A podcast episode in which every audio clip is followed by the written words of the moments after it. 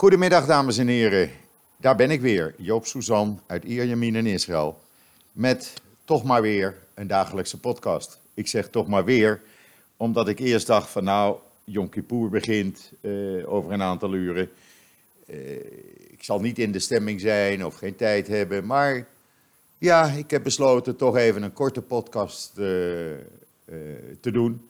Om u een impressie te geven ook van hoe Israël Yom Kippur ja, zich voorbereidt op Yom Kippur, laat ik het zo zeggen. Ik zit bij uitzondering buiten op mijn balkon.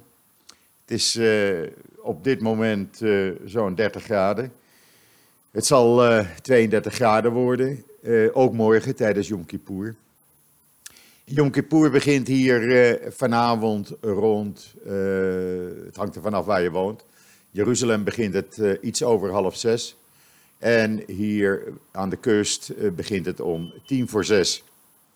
het is een beetje een rare dag in Israël. De meeste mensen zijn vrij. Winkels zijn wel open, maar die gaan om een uur of twaalf, één dicht. En daarna gaat iedereen zich voorbereiden op Yom Kippur. Als u op mijn timeline kijkt, heb ik daar een foto gezet van de tent die inmiddels bij mij in de straat is geplaatst, zo'n 75 meter van het huis. Waar zo'n 1500 mensen in kunnen plaatsnemen. Altijd heel bijzonder. Dat wordt gedaan door Gabat. En dan uh, morgenavond uh, het laatste anderhalf uur van Yom Kippur gaan de zijkanten van de tent open en zullen er pakweg 2.000, 3.000 mensen rond die tent op straat staan om te luisteren naar de tonen van de shofar. Eh, altijd heel bijzonder. In Israël beleef je dat veel intenser dan in eh, buiten Israël, laat ik het zo zeggen. Daar gaat het leven gewoon door. Hier komt het leven totaal tot stilstand. Uh, vanavond om uh, nou, kwart voor zessen zal er geen auto meer op de snelwegen of in de straten rijden. En worden de straten overgenomen door kinderen en families op fietsen. Uh, vanavond is dat dan heel gezellig bij mij in de buurt. Dan zetten mensen stoelen buiten, die zetten ze gewoon midden op, op de rijbaan. En gaan gezellig ja, zitten kletsen. Je hebt toch niks anders te doen. Er is geen radio, geen televisie. Het weer is lekker. En ja, dan is het gewoon één grote familie eigenlijk in de straat. En dat gebeurt in elke buurt in Israël eigenlijk. Die ja, de tijd met de buren, met vrienden doorbrengt. Terwijl de kinderen allemaal op de fiets of op de autopad op straat spelen. Morgen zullen veel families een, eh, een tocht maken via de snelwegen. Gewoon omdat het kan, omdat het leuk is. Eh, het enige voordeel, of een groot voordeel van Yom Kippur is dat er bijna geen luchtvervuiling is. De lucht ruikt anders, uh, er zijn geen auto's. En je merkt gelijk het verschil, het enorme verschil in uh, de kwaliteit van de lucht. Dus ook dat is weer een voordeel van Yom Kippur. Eh, daarnaast ook mensen die eh, zich, ja, die niet religieus zijn, die niet naar de synagoge gaan, die geen traditie doen. Ook die houden zich eh, aan het niet rijden op deze dag. Eh, uit respect voor anderen. Eh, men doet dat gewoon niet. Eh, op joods.nl zullen we gedurende de dag, heeft u daar een aantal, groot aantal artikelen geplaatst gezien we hebben dat bewust gedaan om, ja, omdat we na vanmiddag 4 uur niets meer op joods.nl gaan zetten. En pas morgenavond, na afloop van Yom Kippur, weer eventueel nieuws gaan plaatsen. Het is wel zo dat mocht er iets gebeuren, dan zullen wij absoluut u daarvan op de hoogte stellen en komen wij op joods.nl en met het nieuws. En ook live via deze podcast. Laten we niet hopen. Er wordt wel rekening mee gehouden. Je kunt bijvoorbeeld uh, op joods.nl een artikel lezen dat Israël bereidt zich voor op een Iraanse aanval. Ja, u hoort op dit moment de ambulance. Ik zei het al, ik sta buiten op straat. Of op het balkon. en Israël bestudeert ook die aanval op Saudi-Arabië. Men houdt gewoon rekening met ja, dat er iets kan gebeuren. Het zij vanuit Iran, het zij dat Hezbollah van Iran opdracht heeft gekregen of Hamas om raketten op Israël af te, af te schieten. Niet dat, er, dat iedereen daar nou wakker van ligt. Het leven gaat gewoon door in Israël. We zijn dat gewend.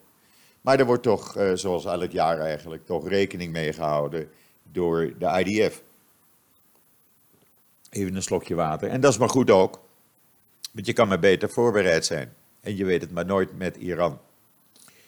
Uh, Daarnaast een heel leuk artikel op joods.nl over twee Arabische uh, loodgieters in Haifa. Die moesten een, een reparatie doen van zo'n 250 euro. Kostte dat in een huis waar een lekkage was. En de vrouw van dik in de 90.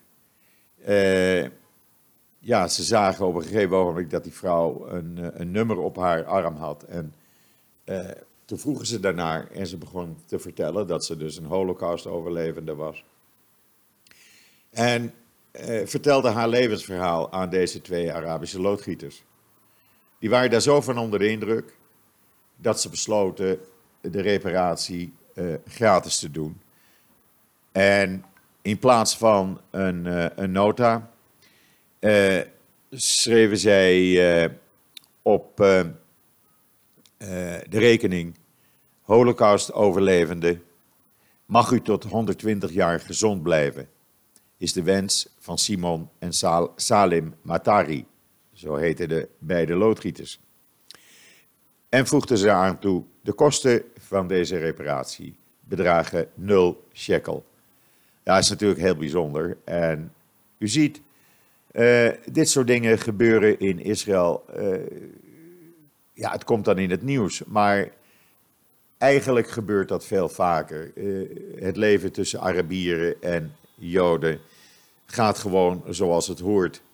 En ook tijdens Yom Kippur merk je dat, omdat Arabische inwoners van Israël zullen niet met de auto gaan rijden. Dat doen ze uit respect voor de Joodse inwoners. En dat, ja, wij mogen dat normaal vinden. Het blijft natuurlijk heel bijzonder en het toont ook aan hoe Israël eh, als land is. En dat het toch anders is als dat u in eh, de Nederlandse pers regelmatig leest. Um, ja, hoe ga ik dan Yom Kippur doorbrengen? Nou, heel simpel. Ik zei het gisteren al. Ik maak vanmiddag een maaltijd aardappelen met draadjesvlees. Dat is, mijn, uh, ja, dat is zo de traditie, die heb ik nog van mijn moeder. Alhoewel wij vroeger als kinderen kugel met peren kregen, maar ja, dat vind ik even te ingewikkeld.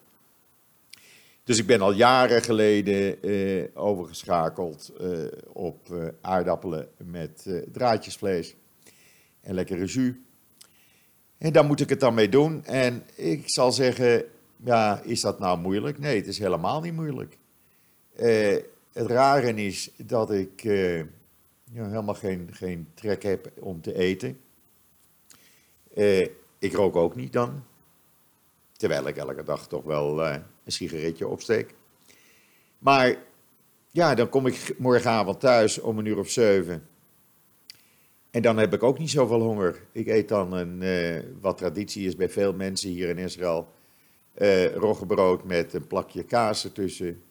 Om te beginnen, een kop koffie en een boterhammetje met zalm. En dat is het dan. Want ja, je hebt niet zo'n trek. Ook al, uh, hoe gaat dat dan hier in Israël? Nou, vanavond is dan uh, om, om tien voor zes begint de synagogedienst in die enorme tent van Gabat. En die duurt zo'n anderhalf uur. En daarna, zoals ik zei, ga je dan ja, met z'n allen de straat op, een wandeling maken door de buurt. nou, de hond zal dat prachtig vinden. Morgenochtend begint de synagogedienst zo rond half negen. Uh, ik zelf ga dan om een uur of tien, omdat er om half elf een gebed is voor de overledene.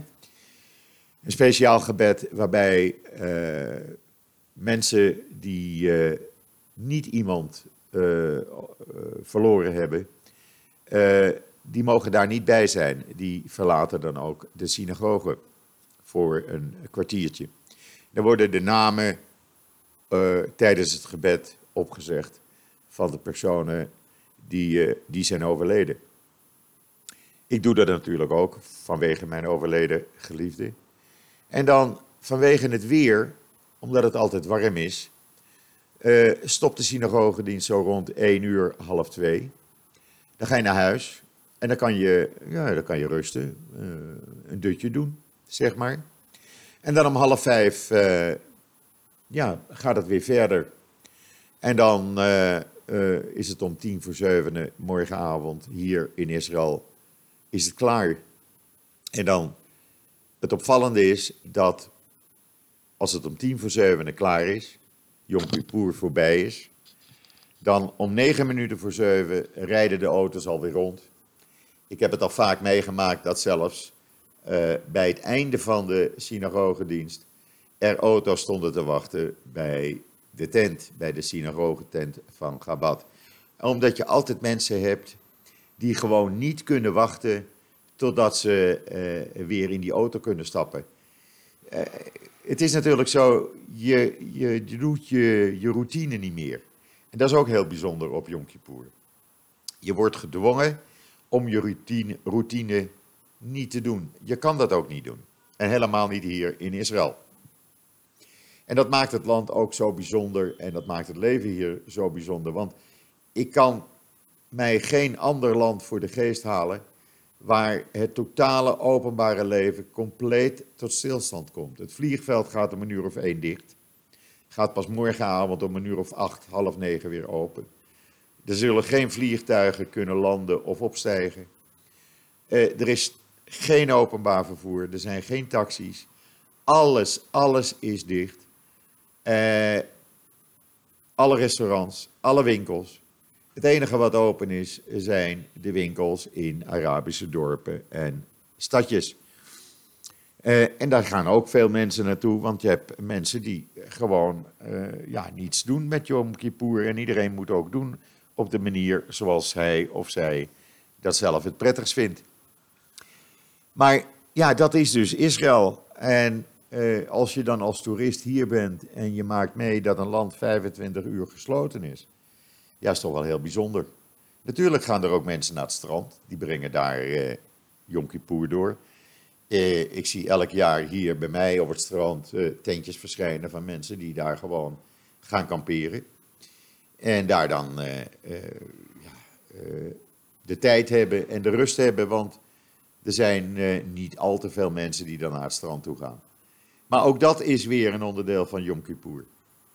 Dus ja, al met al het blijft iets bijzonders om Yom Kippur in Israël mee te maken. En ik kan het iedereen aanraken, Joods of niet, aanraden, Joods of niet Joods. Het is een hele bijzondere ervaring. Uh, ja, ik wou dat toch even kwijt. Ik denk, ik ga dat toch eventjes aan u meedelen.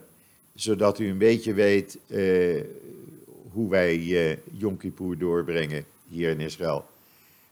en hoe dat dan gaat. Uh, het is zo dat mensen die naar de synagoge komen, natuurlijk de meeste zijn uh, ja, toch wel een beetje netjes gekleed. Niet dat er kostuums worden gedragen, dat, uh, dat doe je ook niet met die hitte.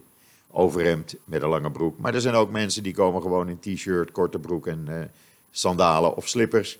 Alles kan, alles mag.